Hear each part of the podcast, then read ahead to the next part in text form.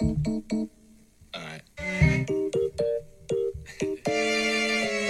You, you, you and me get started off free sports. I've been chilling on the water like a kneeboard. I've been dropping off the edge of the rainbow road. I should do better. I should stay on beat more. Why she always fronting like I should be scared of her? I said it's no service, AT&T carrier. Apparently I'm lying and I'm not a good guy. Baby, that ain't my character. That's a me character. I'ma need barriers. Blocking all these joystick rappers. Got a little scuff for an ointment. Rappers ain't Toy Story, but I'm still toying with rappers. They don't even really want to see the boy against rappers. I'm a block every kick. Stop every fit. Got a lock Jag måste säga att jag älskar vår son av många anledningar, men en av dem är ju att han introducerar grym musik in i mitt liv. Det är väl därför man Det är därför man har barn. Ja, jag Ja. tänker det. Att barn är väl den nya sökmotor, musiksökmotorn. Nej, men det är så jäkla magiskt. Alltså, um, han är också är jag lättad. För det är ju ingen garanti att ens barn får bra musiksmak, om du förstår vad jag menar. Okej, vilken är, vad är din största skräck att han ska komma hem och gilla? Nej, alltså jag gillar den mesta musiken, men jag skulle tycka att det var sjukt jobbigt att behöva lyssna på dödsmetall hela tiden. Eh, eller så här... Eh, och... och eh, eh, mm, mm, mm, mm, mm. Ja, men det finns ju en massa musik som jag kanske inte själv längtar efter att få spela i bilen, även fast jag nog är okej med det mesta. Det jobbiga, alltså jag skulle tycka att det jobbiga är, eftersom vi åker ganska mycket bil, mycket tid eh, tillbringas i bil, och eh, då spelas det mycket musik. Och då vill man ju vara så synkad med de andra passagerarna som möjligt. Så att det inte liksom... Så att inte någon alltid sitter och lider lite. Man kan ju verkligen känna med den där DJen, alltså en DJs, Ja. om man åker bil eftersom det kommer alltid Du dumma... menar förs- klubb-DJs? Ja, för Ja, det kommer ja, alltid ja. dumma förslag från andra människor. Med helt annan musiksmak. Ja. Man sitter och, och, och spelar skön soul och kanske hiphop på en bar slash klubb. Och då kommer någon och vill höra Metallica. Mm. Ja, då är det ju, jag tar inga requests. Exakt. Ja, den vill jag ju börja säga i bilen förresten. Jag tar inga requests. ja, grymt. Hörrni, vet du vad? Det här gör mig också lite inspirerad. För vi har ju faktiskt en playlist eh, där de här låtarna som vi spelar upp i podden finns. Eh, den playlisten heter, alltså om ni bara är nyfikna, för ibland får vi frågor. Vad hette, vad var det för låt som spelades där? Eh, den playlisten är skapad av mig. Jag heter Magnus Silvenius Öhman. Och du eh, heter? Peppe Öhman. Mm. Eh, och playlisten heter Santa Monica Vibes. Jag vet inte, det är svårt med namn alltså. Det är i alla fall inte stava vibes med y. Nej, exakt. Okej, Du lyssnar på Magnus och Peppes podcast.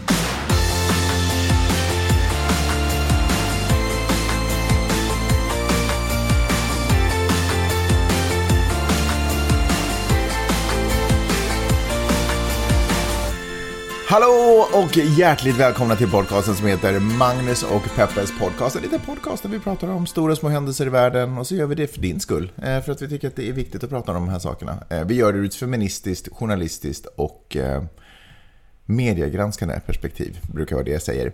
Ehm, det här är så gott som slutet på vår LA-vistelse.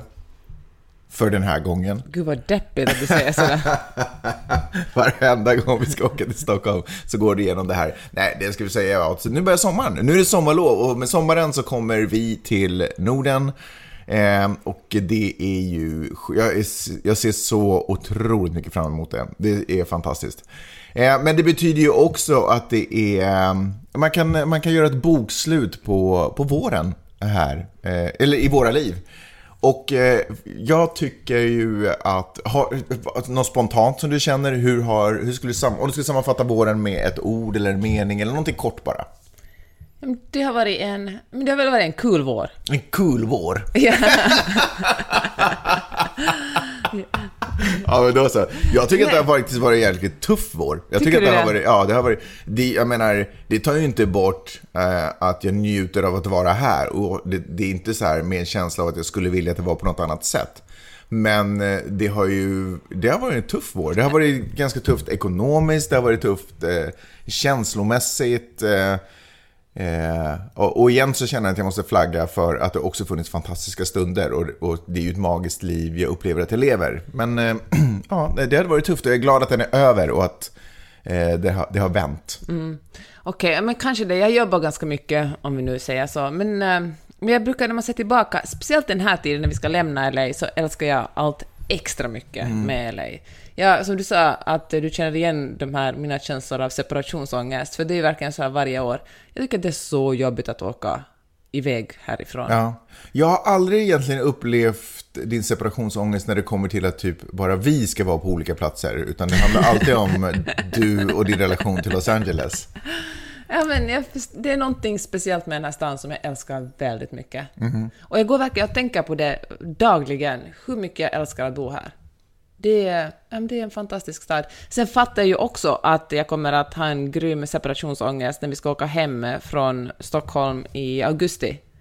Men då handlar det mer om, eh, om människorna, för då är jag liksom rotat mig där, och liksom stärkt relationer med en massa människor som jag tycker om och då inser jag plötsligt att herregud, nu är det jättelänge tills jag kommer att få umgås med de här människorna igen. Och, och då har jag också en form av ångest. Mm. Jag vet inte om vi har pratat eller nämnt det här, men nu när vi, eller sen efter sommarens slut, inför hösten, och vi sätter oss på ett plan till Los Angeles, så åker vi ju då de facto hem, för att vi har ju green cards nu. Ja, har vi nämnt det? Har vi sagt Ja, men det vi talade om det förra gjorde. avsnittet. Ah, Okej, okej, Ja, okej, okej. för- För det är ju ändå ganska stort. Alltså, nu är vi officiellt, nu, nu har vi ju på något sätt officiellt sagt att det här är vårt hem. Mm.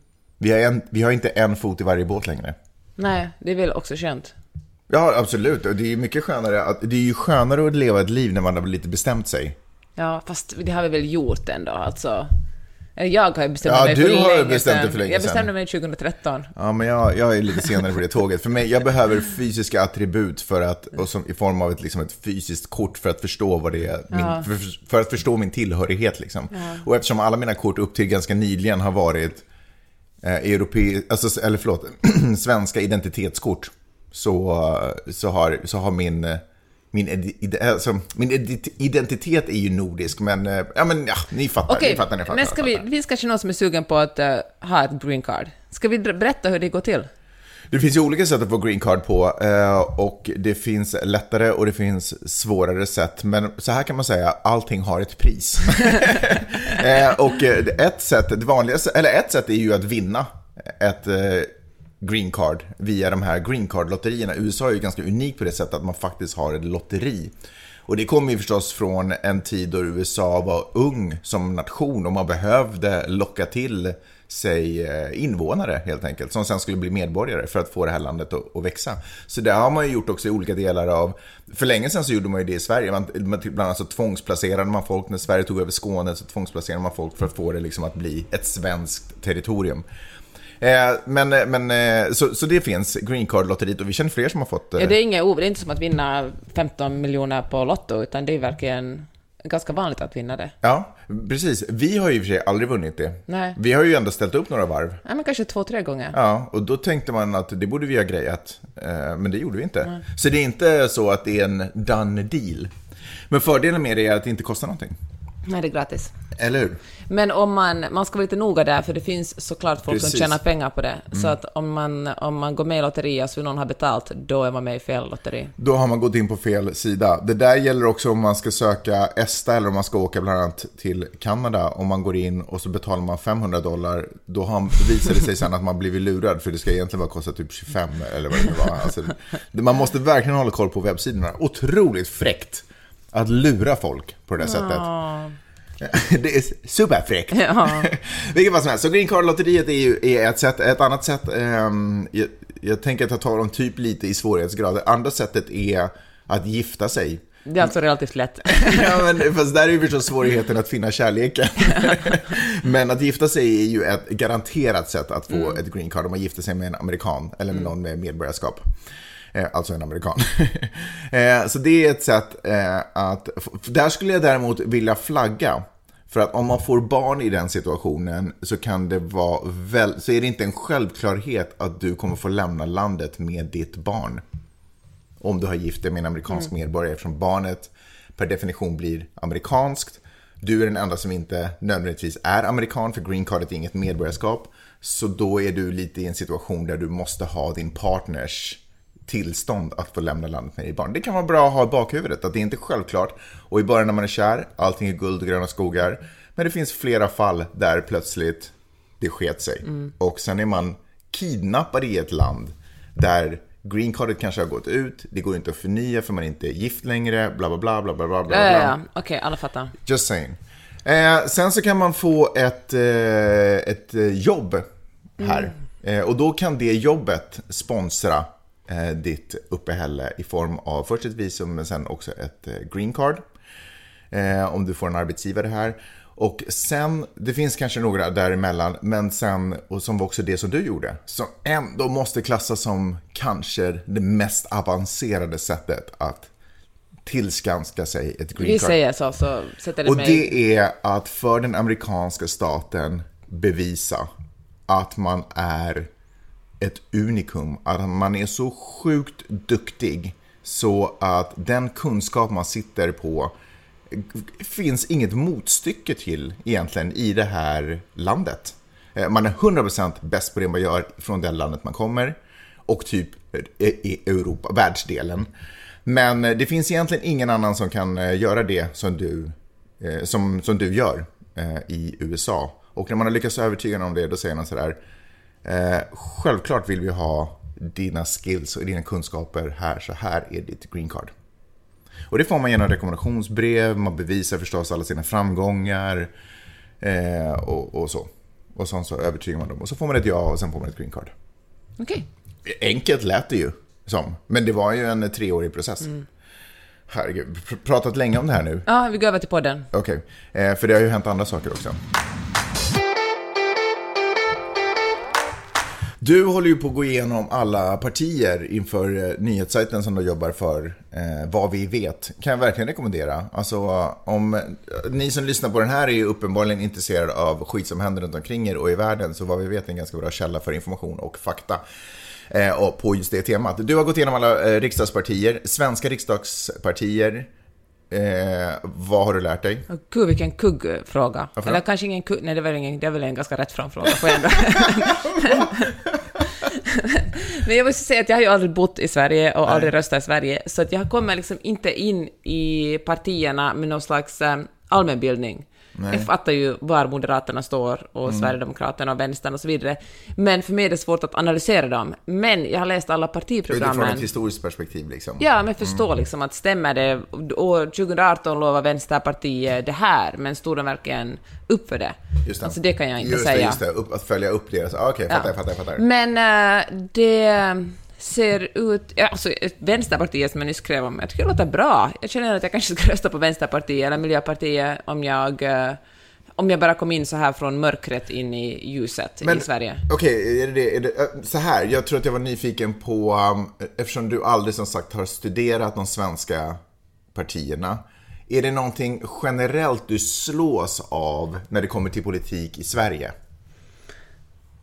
Eller? Är det finns det någon röd tråd eller någonting sådär? är det Alltså, något som sticker ut för dig? Nej, den påminner ju ganska mycket om politiken i Finland ändå, tycker jag.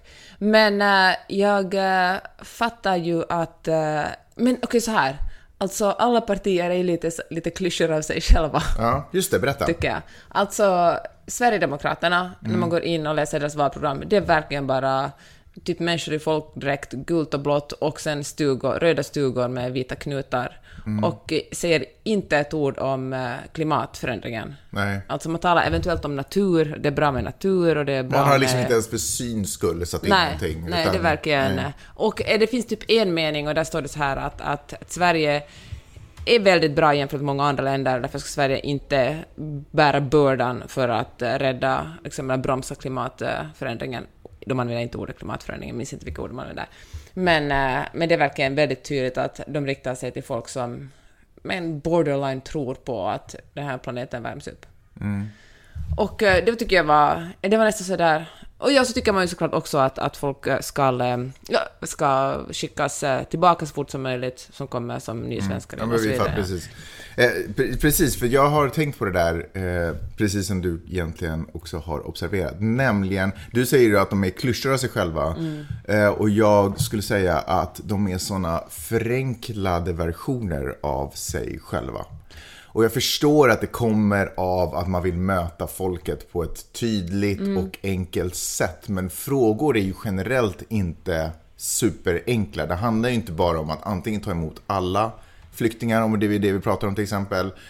el- versus inte ta emot någon. Utan det finns ju naturligtvis en gråskala där. Eller det handlar inte bara om att nu ska vi alla sluta köra bensindrivna bilar över en natt eh, och satsa på vindkraftverk för det kan inte liksom kompensera för det energi. Det är klart det, men det Så handlar ju det om... finns ju någonting däremellan. Alltså, Såklart, det är kommunikation liksom. Ja, men det gör mig otroligt frustrerad att vägen som man väljer att gå, vi måste förenkla vårt eh, budskap istället för att, att det finns en ansvarskänsla bland medborgarna i det här samhället som demokratin är för, alltså oss.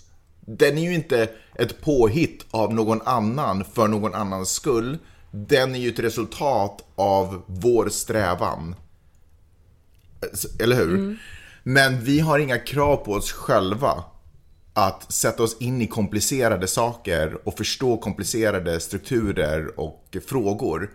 Utan där så vill vi sen att allting ska förenklas, som att allting blir alltid presentation som dum, eh, sådär, Vänsterpartiet för dummies eller eh, Liberalerna för dummies eller miljöfrågor för dummies till exempel eller invandrarpolitik för dummies. Alltså allting blir liksom Fast kan du se det så här istället då? Alltså, förenklat till en nivå där det inte går att fatta ett rätt, rätt beslut. Jag förstår vad du menar. Men kan du se det så här, för att många av de här partierna har också, det här är vårt parti, lättläst.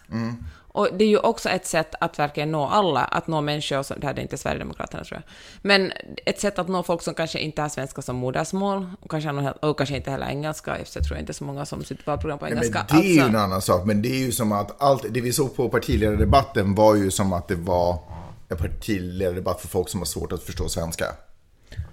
Ja, men jag tänker att det handlar om någonting, alltså, jag förstår vad du menar, men jag förstår också partierna, att de måste bara vara så tydliga. Jag tänker att om man säger så här, å ena sidan, å andra sidan, å ena sidan, å andra sidan, så blir det väldigt flummigt. Alltså då författar inte folk liksom vad de ska rösta på. Jag tänker att kan ansvaret... Ja, kan ändå ansvaret finnas hos eh, röstaren, alltså medborgaren, Ja. att för, lyssna och säga okej, det här är budskapet, jag går in och kollar, står det verkligen så här? Eller har de verkligen, har Miljöpartiet verkligen hållit sina löften, det de lovade i senaste valet? Är det någonting jag kan eh, lita på när de säger så här nu? Så här, jag tycker att du är ursäktad.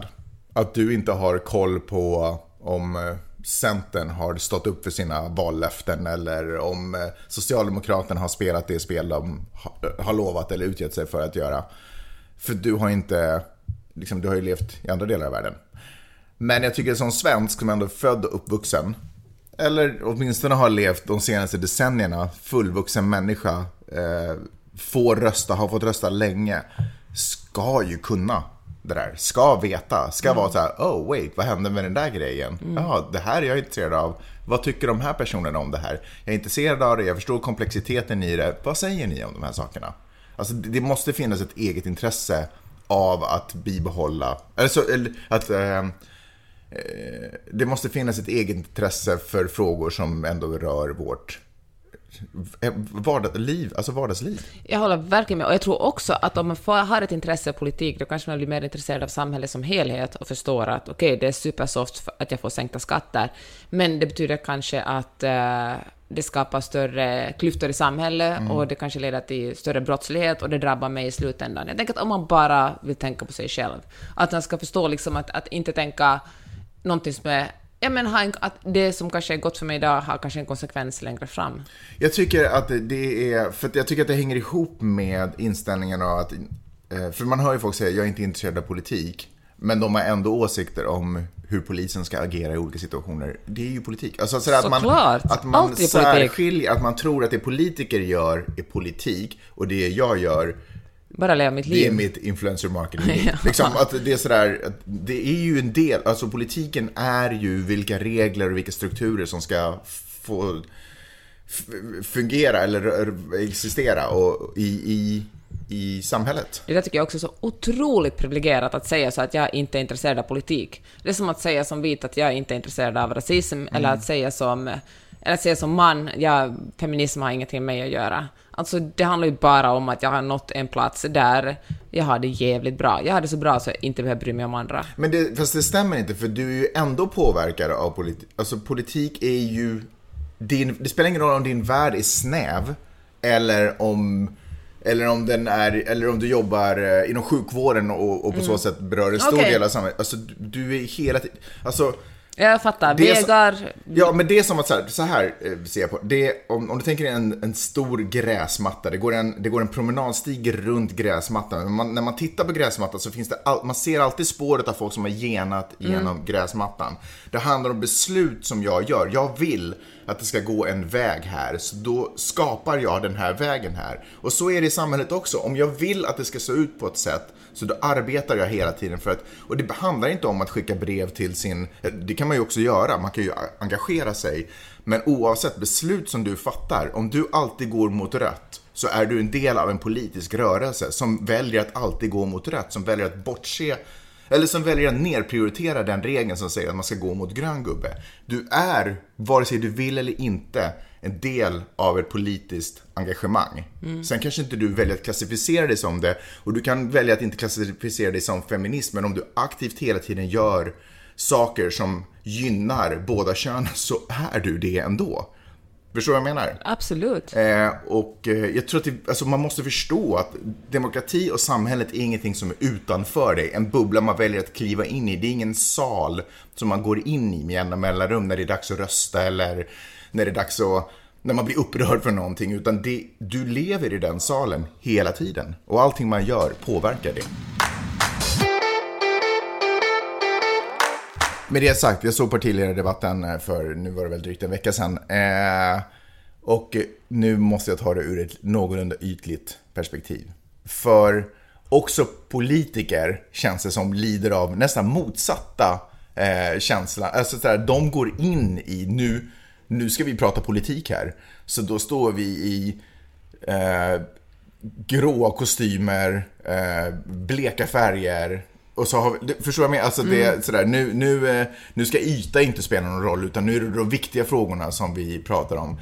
Eh, och det kan jag känna bara gynnar stora partier. Vad du att vill de- att det ska bli sexigare för att du ska kolla på nästa partiledardebatt? inte för att jag ska kolla, jag tänker mer för deras egen skull. Att om man vill vara eh, ett parti så måste man ju också, så måste det partiet också ha, du vet som man pratar med företagen, att vad är, alltså med branding, att vad är jag för sorts företag? Är jag ett företag som står för, nästan som företag blir personer eller får personligheter? Eh, åtminstone har egenskaper. Sådär, jag, vet, jag borde veta, rättare sagt, var fucking Volvo står i, natur, i, i eh, miljöfrågor. Jag borde veta typ vad Volvo står i invandringspolitik eller i världspolitik. Liksom. Vad tycker Volvo om Vad Rysslands... snackar du om? Nu fattar jag ingenting. Jag tyck, vad, vad tycker Volvo om Rysslands invasion av Ukraina? Jag borde typ lite veta det för att jag ska veta om Du Volvo... tänker på Spotify som tog jäkligt länge att ta bort sitt kontor från Moskva. och jag tänker på alla de företagen som ganska snabbt etablerar sig genom att ta bort sina kontor ifrån Mm. Ryssland. Det är ju ett sätt för företaget också, alltså givetvis att visa sympati, men det är också ett sätt för ett företag att ge en personlig profilering av vad vi är för ett företag, vilka värderingar vi står för. Och jag menar politik och politiska partier är ju all about värderingar så kan man få se det också på något sätt i utstrålningen av de här representant, de här reklampelarna för de Okej. här partierna. Hur hade du stylat de olika partiledarna? nej, nej, det vet jag, tänk, jag. Så här, det jag kanske kände mest för är stackars Miljöpartiet. Miljöpartiet är som den här personen, nej men alltså Miljöpartiet är ju ett, rikt, alltså ett, ett, ett snällt parti.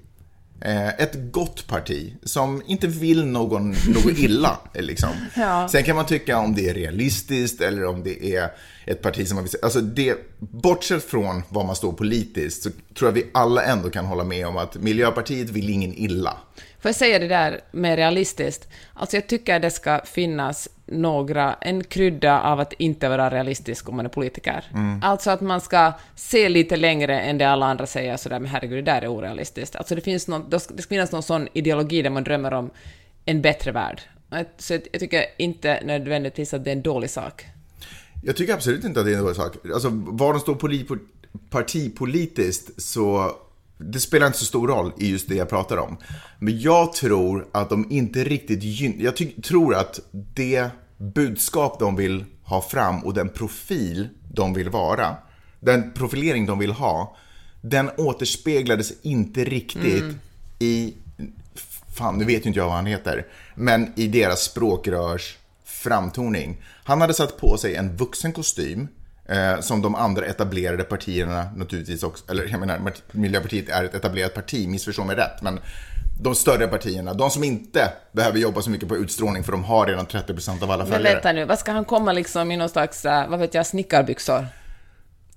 Det är väl inte det, kanske det bästa alternativet, men gör någonting så att du syns. Syns i ledet av, alltså så här, om, om man är ett, alltså man kan inte bortse ifrån att vi också har ögon, många av oss, som tittar på partiledardebatten. Och om vi har en line-up, tänk dig som en misstänkt, eh, alltså så här, en usual suspect line-up.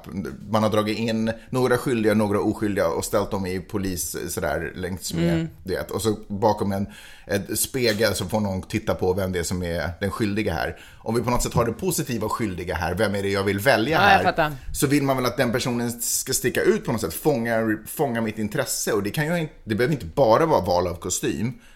Varför kostym? Frågetecken.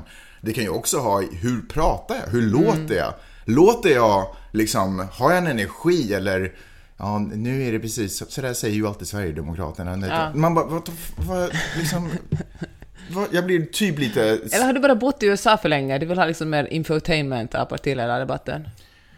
Ehm, det låter, nu, det är ju väldigt lätt att förakta det. Men det är ju också ganska naivt att tro att man, inte, att tro att man kan bortse ifrån det. Alltså det är ju inte, svenskarna är inte så, de är inte liksom, de är inte immuna mot eh, förföriska intryck. Alltså på inget sätt. Det är ju för fan ett amerikanskt folk ganska mycket i hur, hur de beter sig och väljer saker. Så att låtsas som att just i de här situationerna, här, här går vi bara på djupet. Här är vi bara intresserade av vad de vill ha, vad de säger och vad de känner. Det är liksom inte sant. Och det tycker jag, jag tycker bara så synd när partier som verkligen är i behov av att liksom lyfta sin egen status och, och komma igenom bruset av de andra tyngre spelarna eh, missar en sån chans. Eh, och för, för att man försöker bete sig etablerat. Jag tycker att det var, det var, det var, det var ledsamt. Jag hade velat mer för dem. Sen skulle jag kanske inte rösta på dem ändå, men jag hade ändå velat mer för dem. Jag tycker att alla ska få, sin, få en bra chans. Sen tycker jag SD kan klä sig i tråkiga kostymer, det spelar inte så stor roll för mig. Det, det är jag helt cool med. Joe Biden var ju i LA igår. Mm. Ja, jag tror typ att jag... Liksom... Över till dig, Magnus. Okej, förlåt. Ja, Nej, men säg det då. Nej, men jag tror typ att jag såg, ja, men jag, liksom så här, när man säger att man har sett en president så har man sett kortegen. Kanske. Jag såg inte honom personligen. Men eh, jag var på väg hem ifrån en liten eh, sorg. Och eh, svänger in från PCH in till den bakgata som ska leda upp till vår hemgata. Och på den här bakgatan finns en jättelyxig italiensk restaurang. Sjukt god. Georgia Baldi. Kan verkligen rekommendera den. Eh, och när jag kommer in där så var det som att jag åkte i en korridor av Escalades och svarta, eller fan jag kan inte bilmärken, men skitsamma, svarta stora bilar. Och väldigt mycket Secret Service-vibe. Eh, inleddes med en eh, Police Highway Patrol och avslutades med en Police Highway Patrol. Så jag är ganska säker på att eh, Joe Baldi satt på Giorgio Baldi och käkade lite eh, pasta. Ja, good for him, säger jag. Mhm, Hur som helst, han har ju varit här i LA och bland annat också gästat några så late night shower, Jimmy Kimmel. Japp. Och eh, han, det är så hemskt att säga det här, men, eller det är inte hemskt, utan det är bara fakta. Han är ju en gammal man. Ja. Och man sitter där och tittar och är så nervös. Och man hoppas att han inte ska dö under sändningen. Ja, men- liksom. ja. Eller du vet, få en stroke eller bara bete sig gammalt. Eller alltså, man vill inte att han ska bete sig gammalt. Nej, verkligen Bara snälla, vi, sådär, försök hålla ihop någon form av ungdoms... Eh, Och det sagt så tycker jag alltså han har gjort många bra saker för det här landet. Alltså han har haft bra policies, han har, jag liksom tycker att hans politik faktiskt är bra. Och det har inte varit så lätt att vara president de senaste två åren i USA. nej. Hur som helst, nu snackar såklart Demokraterna om, för det börjar småningom bli dags att välja vem man ska ställa upp som presidentkandidat eh, till valet 2024. Och eh, jag läste en artikel i eh, New York Times som eh, handlar om att allt fler viskar i korridorerna att det inte ska bli Joe Biden, det måste bli någon annan. För, alltså han kommer att vara 82 år då, och jag vill verkligen inte åldersdiskriminera, åldersdiskriminera men det är, ett, fan, det är ett hårt jobb att vara president. Och då tänkte jag på en sån här sak. Fast Jag- det är ändå coolt att ha en av the founding fathers som president. Men tänk om de skulle lyckas vaska fram någon som, alltså, som får det att pirra lite i magen. Och nu menar jag inte, nu vet jag inte kommer att skoja bort det här, det är något sexuellt. Men jag tänker så här, när Obama ställde upp, alltså folk var så glada. Då pirrar det ju sexuellt också, tror jag. På, det pirrar överallt, hos alla. Ja. Och men tänk att en sån kandidat, tänk att en sån som man är bara sådär att... Men den borde man ju ha börjat se nu. Nej, vet du vad? Nej. Jag tror att det inte är för sent. Nej, du tror inte det? Jag tror verkligen inte. Jag tror tvärtom. att det kan vara ett misstag att lansera någon för tidigt. Ja. Folk är bara såhär, men herregud, det här gamla face har vi ju sett snurra hur länge som helst. Jag tror verkligen inte det är inget jag deppar för att de inte fått fram någon ännu. Alltså, Plötsligt dyker det upp någon jättestark karaktär här. Exakt, och jag tänker att det finns ju väldigt många människor i det här landet och det finns väldigt många demokrater, det finns väldigt många kompetenta personer. Tänk om de lyckas piska fram någon som har karisma, det som du sa, det som du saknar i den svenska partiledardebatten, alltså motsatsen till det du just beskrev. Kan jag ändå få säga att jag förstår att man sitter och är orolig för att han ska börja bete sig gammalt, men han har ju karisma. Okej. Kan vi ändå Ja, bara konstatera Ja. det? Alltså, han ser... Du tänker på de där Nej, aviator-glasögonen men, och... ja, men han ser glow... Och så när han satt i Kimmel, jag vill också prata om att han väljer att göra en late night show som den enda intervjun som han har gjort Mm. hittills. Det kan vi prata om ur ett journalistiskt perspektiv. Men, men när han sitter där, han är ju han är glowing. Ja. Han, han har ju en utstrålning, sen kan, alltså alla gillar inte honom för det. Det, det är liksom inte eh, spiken i kistan, men, och det var tvärtom. Ja men du fattar, det är Ja. inte det som säljer allting, men det är en del av försäljningen. Okej, fair enough. Och man kommer faktiskt... Man kommer inte så här långt i amerikansk politik utan att ha glow och karisma. Det, det är ju faktiskt sant. Ja. Bernie Sanders i och för sig är väl en av de som... Va? Han har ju otrolig karisma. Jag fick gåshud när du sa hans namn. alltså, han har ju... Hur gammal är han? Skulle han kunna vara kandidaten? Alltså, hans namn har kast, kastats in i potten. Ja, men han är, jag tror att han börjar bli för gammal nu. det Han, han hade synd. sina... Han hade sina sin Men vet du chans. vad? Han har ju också exakt Cortez. den... Ja, hon är... Ja, AOC alltså. Ja, fast hon är tjej. Hon tror kommer aldrig få den.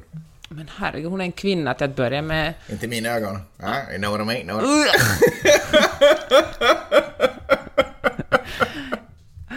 Ja, men alltså att, att ersätta en gubbe med en annan gubbe är ju... Alltså, det är inte, alltså jag vet att världen fungerar så Ja, i men 99,9% det- av fallen, men får jag bara säga, Bernie Sanders har den politiken som Demokraterna borde föra. Alltså jag vet, Demokraterna sådär... Typ lite för också kan man väl ändå säga. sådär, alltså. Demokraterna är väldigt mycket så att "Åh, vi får inte trampa på någons tå, vi tycker lite det här, vi är lite moderata, vi tycker att man ska kritisera skattesystemet, men inte för mycket för då kanske någon som är rik och röstar på oss blir less, alltså blir, vi ska, alltså vi ska höja skatterna men då kanske någon som är rik och inte röstar på oss blir ledsen, så vi Eller höjer in- donerar till oss. Ja men verkligen, det är ett sånt himla tassande, man ska liksom göra alla nöjda.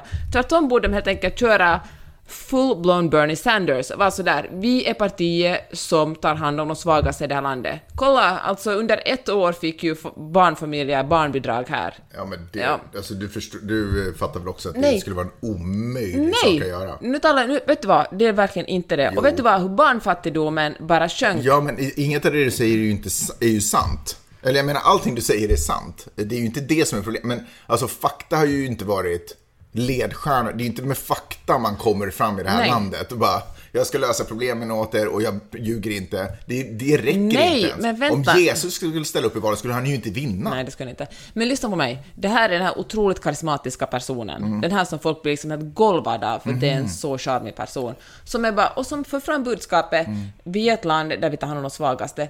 Alla ni i Wisconsin och Mississippi och Alabama, ni röstar på Trump. Trump röstade senast på Trump. Han, han bara... Trump alltså- röstade senast på Trump. Nej Ja. men ni, ni, alltså han är, en, han är en jätterik person Mm, som bara vill gynna sig, han syns sina kompisar, det är liksom bara nepotism och Mm. liksom, ni har fått det sämre under honom.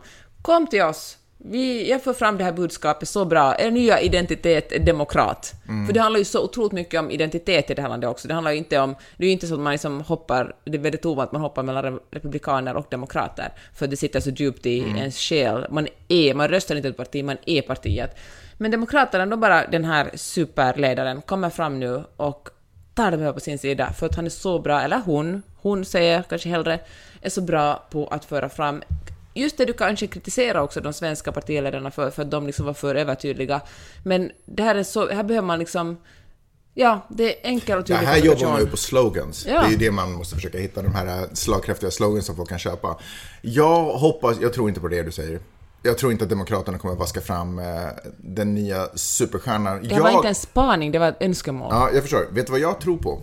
Jag tror på splittring inom Republikanerna. Det tror jag kommer ge segern till, eller hoppas jag på kommer kunna ge segern till Demokraterna. Nämligen att Trumps falang eh, som håller på att urvattnas. Man ser ju att de eh, guvernörer i landet som han har endorsat har inte nödvändigtvis vunnit. Eh, och det är ju en signal, en indikation på att Trumps magiska makt lite, alltså folk kanske lite börjar glömma bort honom. Frå, sakfrågor, de, de extrema sakfrågorna, det vill säga de rasistiska, med, de med rasistiska undertoner, de lever naturligtvis kvar i kluster i landet. Men jag tror att en stor del av det republikanska partiet och väljarna börjar bli redo att röra sig vidare. Och då hoppas jag på att det ska ske en splittring och att det kanske kommer upp eh, en ny kandidat som representerar de extrema eh, som kanske drar ut, som urvattnar röstandet från, alltså det helt enkelt blir tre parti eh, grej. Är det grundas ett nytt parti, tänker du? Alltså det är ju inte olagligt i det här landet, det är otänkbart, men det är inte olagligt. Det har ju funnits mellan, Ja. mellan eh, personer som har ställt upp i, i, i presidentvalet eller som kandidat. Ja, eller liksom så. absolut. Sen har det aldrig gått hun- 100% bra, men jag tänker att vi har störst chans att det sker på demokratisk, eller republikanska sidan. Om det sker på den demokratiska sidan, då är det förödande för det urvattnar ju Ja. röster. Men på demokratiska sidan, äh, herregud, på republikanska sidan tror jag att det skulle kunna, det skulle kunna hända. Fast det är ju också så, en så cynisk eh, spa, alltså en spaning eller alltså, ja, det är såklart det kan gå så, men det blir ju inte ett bättre land av Nej, jo, jag tycker att det blir bättre. För jag tycker att det blir tydligare. För nu tycker jag att det är synd att republikaner dras in i den här rasistiska brunsmeten som de förknippas med. Det är som att, nu är det som att det republikanska partiet står för eh, hårdare abortlagar eller hårdare eh, invandringspolitik. Alltså det är som att det republikanska partiet står för det. Jag tror inte att det är sant. Jag tror att, en väldigt, att de, det finns en, en centrerad makt som, som lutar sig ditåt därför att de är rädda för att förlora sin makt. Eh, Men jag tror att om, men, men det, vi lever ju också en tid där folk älskar sina egna egon och det finns stora profiler som, som glider runt som miniledare i de här olika communityna. Jag tänker att om någon av dem får hybris och eh, kliver upp och är så här, jag ställer upp som representant för er, så kommer det vara för extremt för det republikanska partiet som ändå kommer välja någon, en flört åt det hållet men en mycket mjukare toning. Så jag tror och hoppas. Och då blir det också tydligare tycker jag för, röst- för väljarna. Så det är inte cyniskt. Jag tycker nästan att det skulle vara, det skulle ju vara det absolut bästa. Är Republikanerna ett brunt parti, om du förstår vad jag menar? Eller är det bara en del av dem som borde leva sitt eget liv? Okej. Men eh, bara, vad, vad, vad tycker du om det faktum att Biden väljer Jimmy Kimmel som, som den gången han gör en intervju? Det är väl eh, ett PR-strategiskt eh, val där han verkligen vill verka ung och lite härlig och uh, skojig, inte tala tråkig politik. Det är mycket tråkigt som händer här, som du sa, aborträtten, inflationen är jättehög och uh, ja, men det är mycket skit på gång. Och då vill han uh, visa att han också kan vara en liten rolig och avslappnad snubbe. Men är det inte eh, en journalist som borde göra för att ge Biden chansen att svara på de svåra frågorna? Ja, men absolut. Eller både och, Men tycker jag. jag menar, under Trumps era, då var det ju ganska tydligt att, att föraktet för journalister och misstroende för journalister liksom steg och sådär. Men när han gör en sån här move, Biden, så hjälper han ju också till att underminera journalisters betydelse. Jag tycker inte att det var schysst gjort av honom, om du förstår vad jag menar. Nej, Jag ja, förstår jag hans dig, eget, liksom, egen profileringsgrej. Men han kunde väl också ha gjort en intervju för 60 minutes eller Mm. Ja. inte fan vet jag. Fast Fox, inte, alltså åtminstone någon form av så att journalistiken kunde få sitt också. Nu är det som att, ja, det är som jag säger, inte ens Biden går till journalister för att nu, nu Mm. Ja. går han istället till en, under, en komiker. Okej, nej, men jag håller med dig, alltså verkligen. Alltså, jag menar inte att försvara det, jag menar att det var en, att i PR-syfte han gjorde det. Mm. Så jag förstår varför han gjorde det. Sen har han ju varit lite bättre, eller mycket bättre än Trump på att tala med journalister. Alltså han har ju pre- pressbriefings som vanliga alltså presidenter har. Det är ju någonting som Trump helt slutar med. Men, eh, men det är ju inte superofta som han ställer upp själv. Ibland är han ju där och svarar på frågorna, men det är ju inte väldigt ofta. Men eh, ja, det hade man ju... Fan vilken dröm att få lyssna på en 60 minute intervju med Joe Biden. Mm. Ja, varför tror du att han inte gjorde det? Du är ju inte säker att han inte någonsin, att han inte, inte kommer göra det. Eh, jag, jag vet, alltså det, det var ju självklart en profileringsgrej. Jag tycker det bara var synd att det kanske var det första han gjorde. Jag tycker det var synd för journalistiken, men vem bryr sig om journalistiken? Men jag Ja. tycker det var synd för, för den som, eh, ja. Ja, för den behövs fortfarande. Eh, Men gud, mer än Minst någonsin. lika mycket som komiker och night, late night shower. Ja, det var bara en liten kort... Såg du den intervjun? Nej, Jag såg bara korta snippets ur den. Mm, då kan man gå in och kolla på YouTube, för där finns det.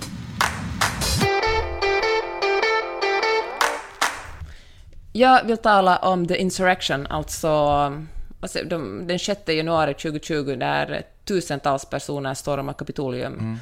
Och så alla vet det här, men jag tar den snabbt. Det är ju alltså för att Donald Trump vägrade acceptera att han hade förlorat presidentvalet mot Joe Biden. Och han ville att Mike Pence, som var hans eh, vicepresident, skulle underkänna resultatet och helt enkelt säga att vi kommer inte att acceptera valresultaten.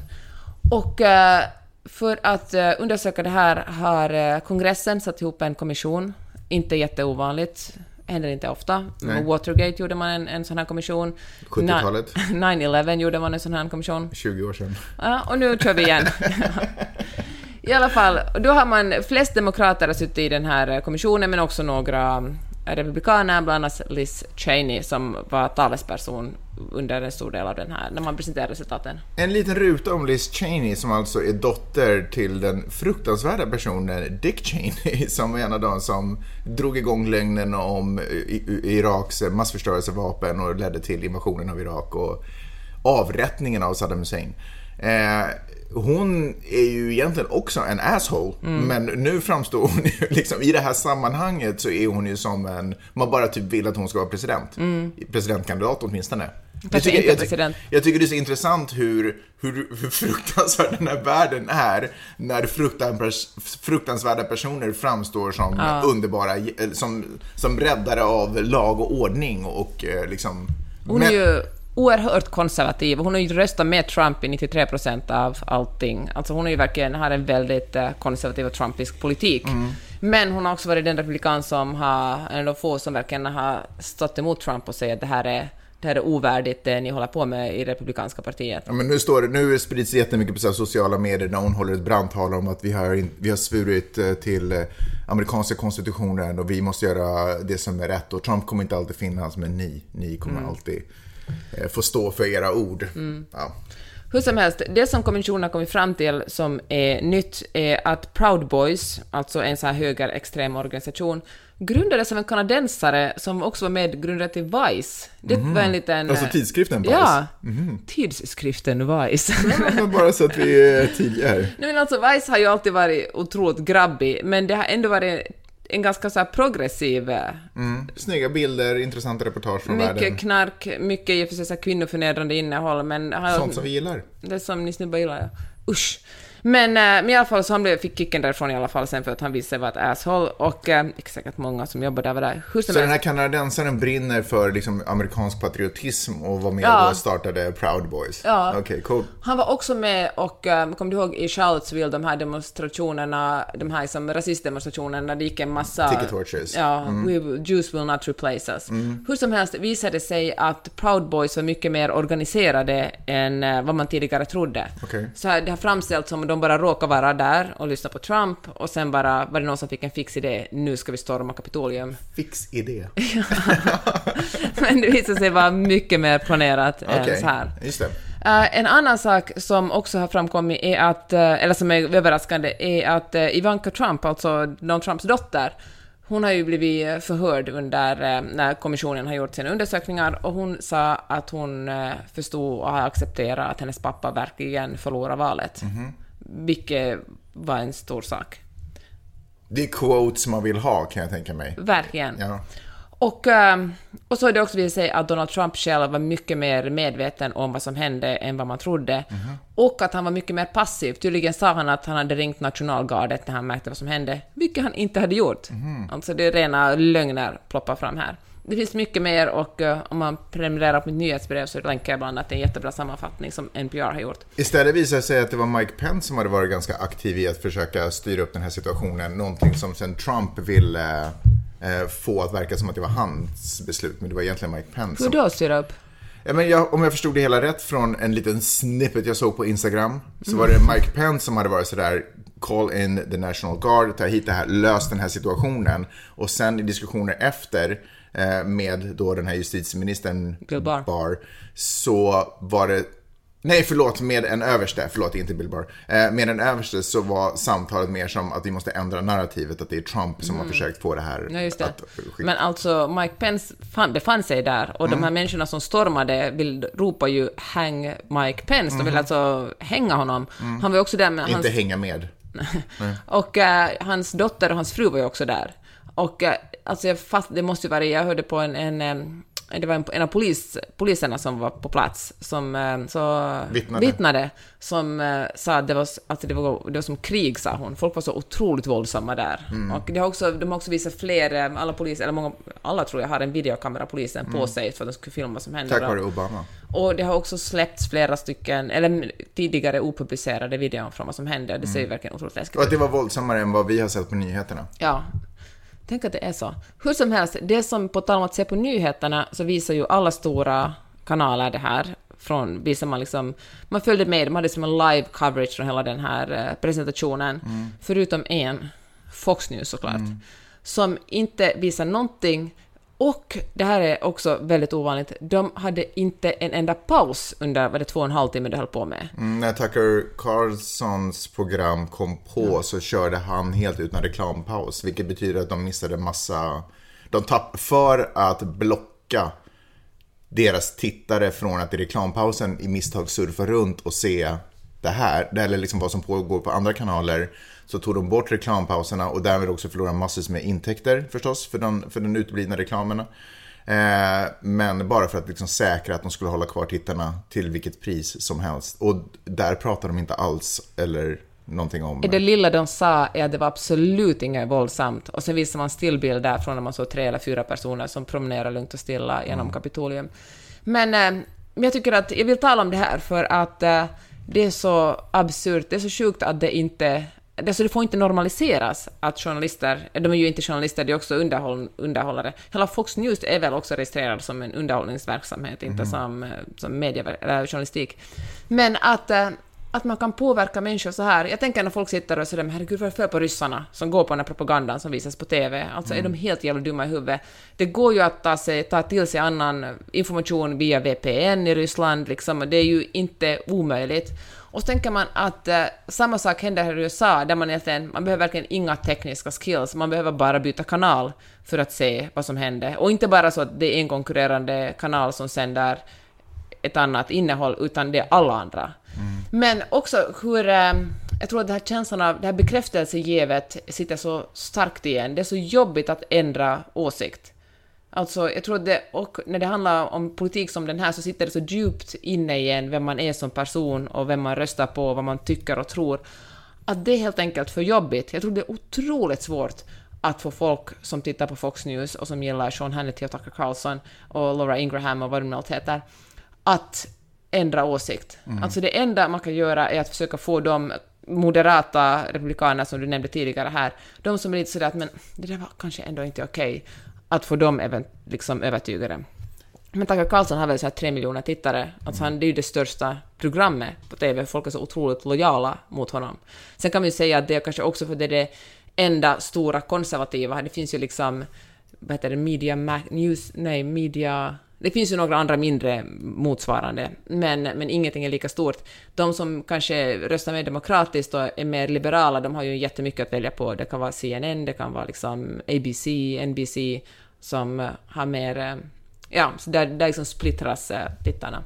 Jag tycker det är så synd, för det där är ju så tydlig, nästan övertydlig propaganda alltså, ett, alltså, ett sätt att jobba med, alltså så här, hur propagandamaskineri jobbar. Att de blockar ut, att de inte ens väljer att eh, ge sin version av vad vi, vad vi ser och vad som för sig går. Jag tycker att det är, alltså man, ja, att man väljer att låtsas, låtsas att det inte händer i USA just nu. Det, det tycker jag är... Ja, men det är så stor lögn att den är... Alltså det ska vara så lätt att punktera den och därför är det så absurt att folk verkligen går på den. Nej, fast jag tänker att de skulle ty- till och med, även fast de valde att sända och bara ljuger om vad det är vi ser på TV, så tror jag att de skulle kunna komma undan med det. Men att de...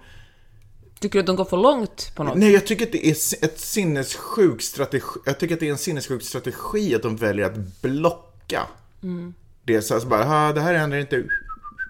Alltså, för där tänker jag att det måste ju ändå finnas Alltså, Återigen, alla som tittar på Fox är inte dumma i huvudet. Jag tittar på Fox också. Det är inte ga- alltså deras är ju nyhetsrap- ingen- nyhetsrapporteringen, nyhetsrapporteringen är inte så fruktansvärd så som det ibland framställs. Att man förknippar Fox med Tucker Carlson. Tucker Carlson är fortfarande ett opinionsprogram, Mm. så på ett sinne, alltså sinnessjukt opinionsprogram som sänds på kvällarna. Liksom.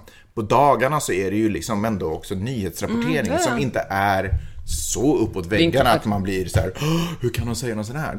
Men att de till och med väljer att helt, det här är inte, att de bort, går ifrån sitt journalist, det finns ju journalister där, att de är okej med att, alltså jag förstår, alltså, eller jag skulle vilja veta vad, jag, det, kommer ju aldrig komma fram. Eller kanske någon gång om tusen år när någon har fått sparken eller någonting, då får man höra, då skriver de Men en folk bok. slutar ju där också. Alltså journalister som har någon slags äh, integritet slutar Ja, också men det ska man börja. Men sådär journalister som Brett Bayer, alltså de här an- tunga ankarna, Mm. vad tycker de om det här? Det skulle jag vilja veta, för jag kan, har så svårt att jag sk- se att de är liksom onda människor som vill, de- har ju bara, så här tycker, det här tycker vi också att USA borde få veta. Mm. Inte bara det som sänds på CNN, utan det, det finns också den här Mm. versionen av sanningen, liksom. Eller den här sidan av, den här, av det här myntet. Men här har de inte ens tagit sida, de har bara kastat myntet. De har inte ens tagit upp myntet. Ja, eh, jag tycker att det är, det är sj- sjukt. Samtidigt så känner jag ju att det ger ju också förstås amerikanska amerikanerna möjlighet att vara sådär, eh, det där är inte viktigt. Det där är bara hittepå och ljug från vänstern. Alltså Ja, men så är det ju. det. Ja, Allt det här är en scam. eh, Det sitter bara vänstersocialister i den här juryn eller i den här eh, undersökningstribunalen och whatever. Eh, Och, och det är alltid köpt av vänstern. ja, så tycker många. Alltså, och då kommer man att fortsätta tycka. Men, ehm, ja, man vet, alltså det är... Det är, det är alltså någonting som jag tänkt under hela Trumps tid som president, att gud vad det kommer bli spännande för folk att läsa om de här historieböckerna, och det här är väl ytterligare en sak som kommer att vara liksom en what the fuck? Mm, vi får se. Det är ju vinnarna som skriver historien, så vi får se. Det kanske inte, det kanske inte kommer stå i historieböckerna. Det är vi som måste vinna, minnas det och berätta det. Jag tycker att eh, jag tycker du skött dig bra idag, Peppe. Är det för att jag pratar så lite? Ja, exakt. Eh, off Magnus. Och, eh, eh, nej, och, och tack för att ni lyssnar. Kan man, du nämnde ju också ditt nyhetsbrev. Berätta. Varje fredag kommer det ut. Varje fredag samlar jag ihop det bästa jag har läst under veckan, alla artiklar. Jag försöker faktiskt nu för tiden att inte göra så jättemånga artiklar. Jag tänker liksom kvalitet framför kvantitet. Mm, Eller så det att har alltid blir, varit så, kvalitet. Så att det blir så enkelt som möjligt, så att det inte blir någon ansträngning för den som ska läsa och ta till sig information för Nej, den men personens jag skull. tänker att om jag sätter liksom 15 eller 20 länkar, då måste den som läser den bli en kurator själv och kurera vad han vill läsa. Så att nu finns det kanske, vad vet jag, 10 länkar. Jag tycker att dagstidningar borde göra samma sak också. Bara ha typ en eller två nyheter. För det blir så jobbigt när man måste bläddra igenom alla sidor. Vilka rubriker ska jag titta, fastna på ögat? Eller Ah, Okej, fine, jag fattar vad du menar. Men i alla fall är det ett otroligt bra nyhetsbrev och eh, där skriver jag om allt möjligt. Till exempel en sak som jag vill tala med dig om, men som vi inte hinner för vi ska och surfa, men det kan man läsa mer om i nyhetsbrev. Och det är hur många vänner är det ultimata antalet vänner? Det, alltså det finns verkligen forskning på det. Jaha. Att inte ha vänner kan jämföras med liksom verkligen ohälsa. Alltså det är som att röka 15 cigaretter om dagen, att inte ha en enda vän. tänk att inte ha en enda vän och röka 15 cigaretter. Det är som att man rökt 30. Det är ett paket. Ja, jag kan bli din vän då. Har- Sluta röka. Jag har vänner och jag röker inte. Ja, och eh, jag kan säga, spoiler, 5-6 är superbra. Och eh, sen kan man inte ha mer än 150 bekanta. I alla fall, allt det här, det kan man läsa i nyhetsbrevet. Yes. Och eh, ja, vi hörs nästa gång. Nästa gång är vi i Sverige. Det känns otroligt jobbigt för mig. Mm, det kommer inte kännas jobbigt. Det kommer kännas fantastiskt för dig när du väl har landat. Min mamma tar hand om dig, väl, välkomnar dig. Hon har säkert redan köpt frukost om jag känner henne rätt. eh, det ska bli otroligt härligt att komma till Norden under Nordens bästa tid. Eh, och sen drar vi med flyttfåglarna igen, men det, det är en senare fråga. Tack så hemskt mycket för att ni har lyssnat. Verkligen, Peppes eh, nyhetsbrev kan absolut rekommendera det. Peppe.substack.com Kostar 5 dollar i månaden och det är en eh, enkel transaktion som absolut ska göra eh, om man är intresserad och vill värna om samhället. Det kräver att man har lite, men jag förstår att det tar tid att hålla på och kurera nätet själv. Så därför kan man luta sig mot Peppe. Peppe.substack.com Tack för att ni lyssnade. Vi hörs nästa vecka. Det gör vi. Hej då! Hej då!